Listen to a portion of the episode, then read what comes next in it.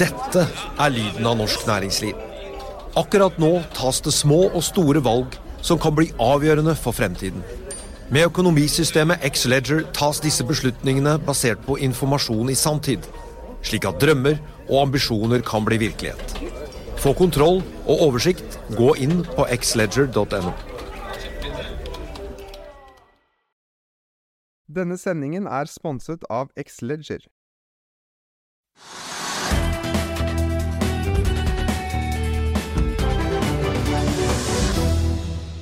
Velkommen til Økonominyhetene. I dag skal vi se nærmere på hva som rører seg på Oslo Børs. Vi skal få teknisk analyse av hovedindeks brentolje og valuta, og også være innom da hva som skjer i Asia og USA, kanskje også Europa hvis vi er heldige. På Oslo Børs er nå hovedindeksen opp 0,2% Trygve. Hva kaller vi en slik dag? Altså, normalt ville jeg sagt at det var en kjedelig dag. For det er ingen av de store selskapene som da går mye opp eller ned. og Det er, få drivere, som vi sier, og det er få big news, som vi sier. Så, men, men, det har skjedd ganske mye i dag. Da. Men la meg kan, kan gå tilbake til gårsdagen. Ja. Fordi at Det som var interessant der, var det at, de, eh, den, at det snakk om virus og Hongkong og at det var kommet til Amerika også førte til noe ganske morsomt. Det var det at de amerikanske børsene faktisk gikk litt ned. Det var liksom uro i markedene. Hva skjer nå? Vi vet ikke hva som foregår. Eh, og så Meldingen om at denne sykdommen kanskje var kommet til USA, gjør at hvilke selskaper på børsen falt mest i går?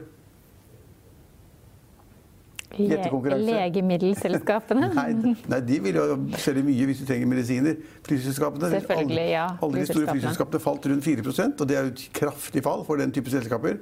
Og det var fordi at folk da begynte å være redde for at dette, denne viruset skulle bre seg, at folk ville reise mindre frem og tilbake til Østen. Men vet du hva, ja, men, jeg tenkte ja, men, samme tanken selv. Ja, er, jeg er på flyplasser hver uke nå. Det er skumle greier. Ja, men derfor, derfor så sto det ut at aktørene tenkte at dette kommer til å gå utover flyselskapene. De kommer til å få mindre antall passasjerer færre ruter. Altså, alt med reising vil bli vanskelig. Og så falt da kursene 4% Det var ganske spennende. Og så, ta, og så falt alle indeksene litt. Grann. Og så er vi tilbake til Oslo Børs, hvor da eh, børsen var ned i går. Og så er den opp nå 0,2% i dag. Og det som da ikke er noen store drivere, men det som da får markedet opp litt, det er det at det har skjedd ganske store ting med noen små selskaper. Ja, og så, så liksom hvis vi sammenligner gårsdagens uh, børsdag med dagens, er at i går var det en ordentlig kjedelig dag på Oslo Børs med veldig få hendelser. Men i dag har vi ikke en veldig sterk Vi har en ganske flat børs, men med mange morsomme enkelthendelser. Altså. Hvor vil du begynne? Nei, jeg kan godt begynne med Funcom. altså ja, spillselskapet. Det har vi snakket masse om. I mange år. Ja. Og det var da, poenget at I mange år så var det slik at det gikk ganske dårlig for Funcom.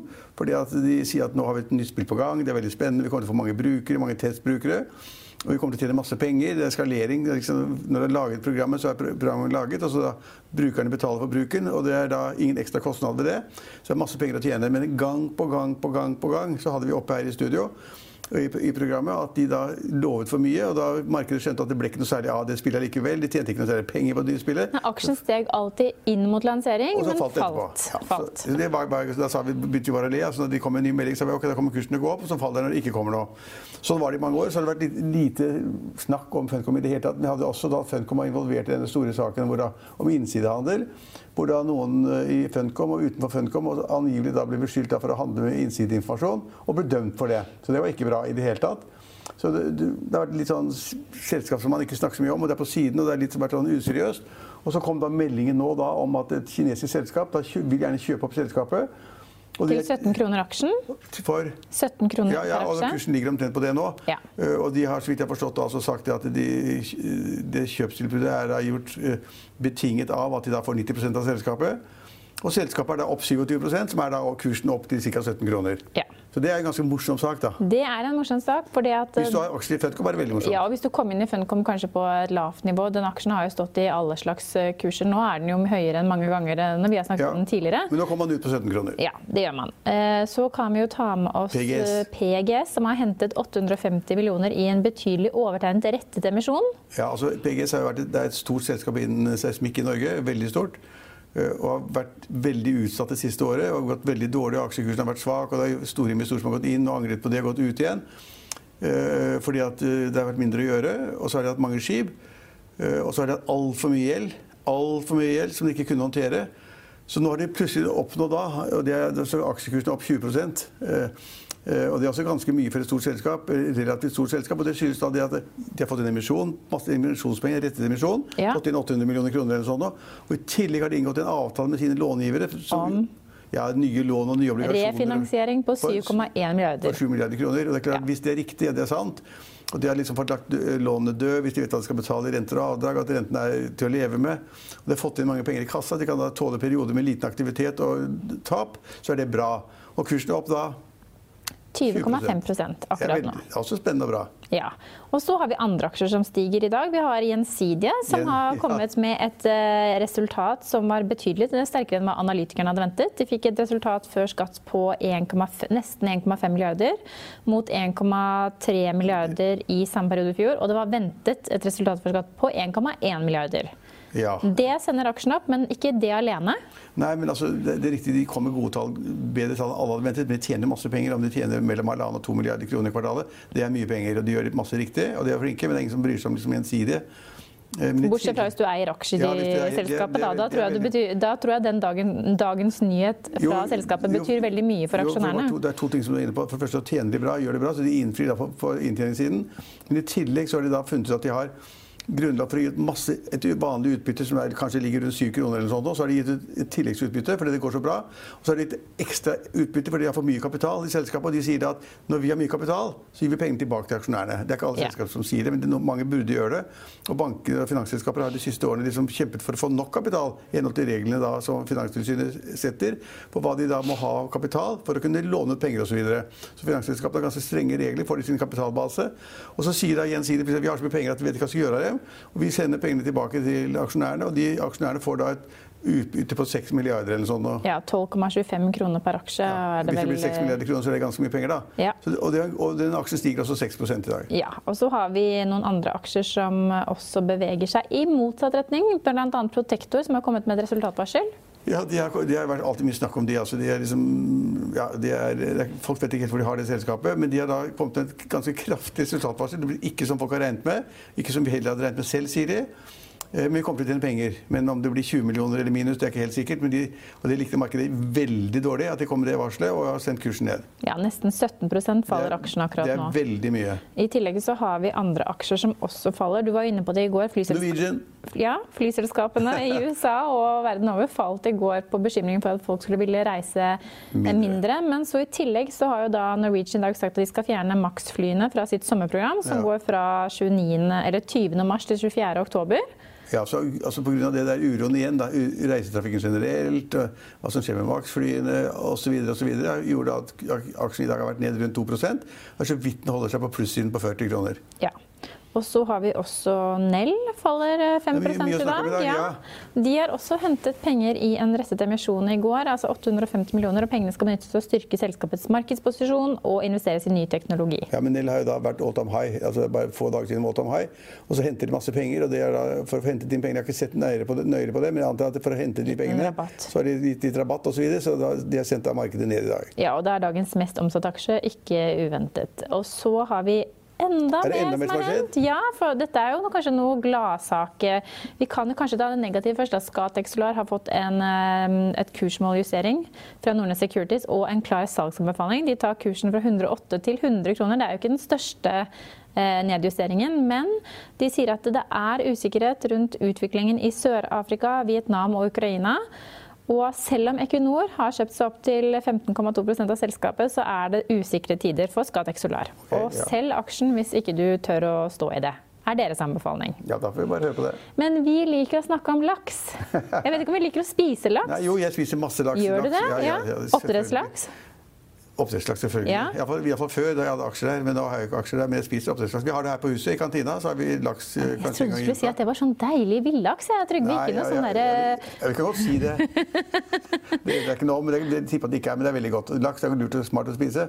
Vet ikke hva du tenker på, men altså, i dag er det sånn pluss-minus null på, på oppdrettsselskapene. Men det som er litt interessant, er at det er mange analytikere som er så dårlige. Så det er, det er flere som har kommet med meldinger om at lakseprisen har sunket litt. Grann. Og De ligger rundt 76 eller 77 kroner per kilo. Og så er sier de da det at eh, lakseprisene faller, svære overskrifter, også på eh, Finansavisen ennå. Og så ser man nærmere på det, så er det prisfallet en halv prosent eller 1 Det er ingen som merker det engang. Det er bare tull. Men sammenlignet med samme tid i fjor, så er prisen opp 20 Ja. Det går bra. Men det går, bra, og det går så bra at Nordea faktisk gjør endringer i laksesektoren, altså Kolbjørn Giske Ødegaard Han forandrer mening ganske ofte. Folk blir nervøse av han. Det gjør han, men i dag så hever han både Austevoll og Lerøy fra hold til kjøp med kursmål på 115 og 70 kroner. I tillegg så gjentar han kjøp på Grieg Seafood med kursmål 160 kroner, opp fra 150 kroner. Og så gjentar han selvfølgelig da salg på Movi, som han mener er for høyt priset inn i 2020. Vi har den alltid ment, men, men, men, men Har kursmål 210 Mitt poeng er kroner, da, og Ja, men mitt poeng er som jeg sa nå nettopp til- 222. Ja, men mitt poeng som jeg sa til seerne våre, det er at man må liksom tenke litt når man ser ting. Og hvis noen da sier at lakseprisen er faller, så tenker man liksom at det faller med 3, 4, 5, 6, 7, 8 kroner. Og så er det liksom noen øre, og så er prisen da 20 høyere enn i fjor, og i fjor tjente selskapene rått med penger. Så skjønner man at den prisendringen i seg selv, isolert sett, ikke har noen ting å si for aksjen. Mens du og jeg sitter her og prater om børs, så sitter det en rekke verdensledere i Davos, og de prater i dag ekstremt mye om klima.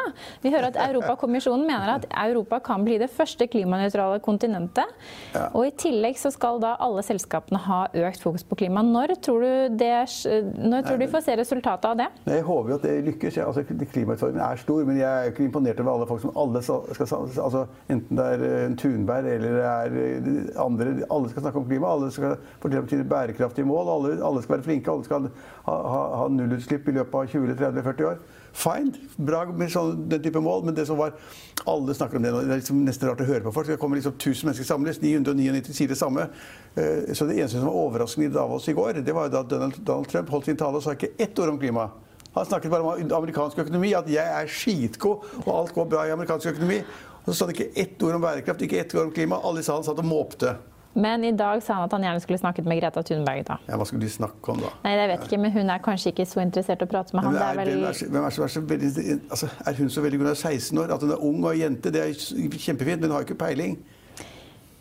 Hun er en annen generasjon enn Ja, Trygve Hegnar og har et annet perspektiv Ja, på ting enn ikke- mange andre. Og hennes tanker er kanskje radikale, men kanskje det er nettopp det man må. Ha en sånn radikal Ja, innsprøytning for å få for. store Men- omskiftninger. Ja, men det, det krever ganske Altså løser klimaproblemet for verden? klimarevolusjon, Trygve Hegnar. Vet du hva som skjer når det er revolusjon? Da må folk Nei, være revolusjonære. Hun at, nei, hun sier at klima er en alvorlig sak, og at verden og staten har ikke gjort noe særlig for å, for, for å liksom gjøre noe med det.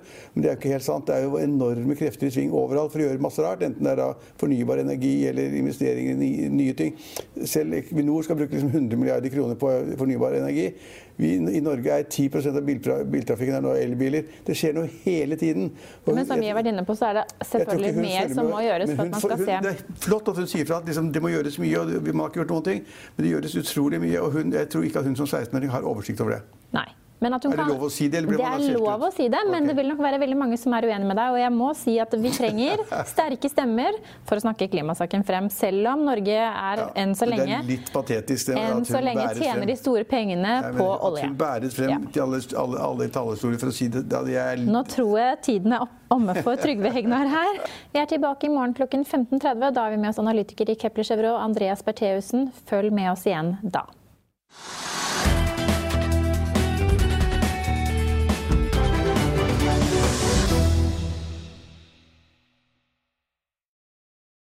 Denne sendingen er sponset av Xleger. Økonominyhetene er en podkast og videoproduksjon fra Finansavisen. Programleder er Marius Lorentzen. Aksjekommentator er Karl Johan Molnes. Produsent er Bashar Johar. Podkast- og videoansvarlig er Marius Mørk Larsen. Og ansvarlig redaktør er Trygve Hegnar.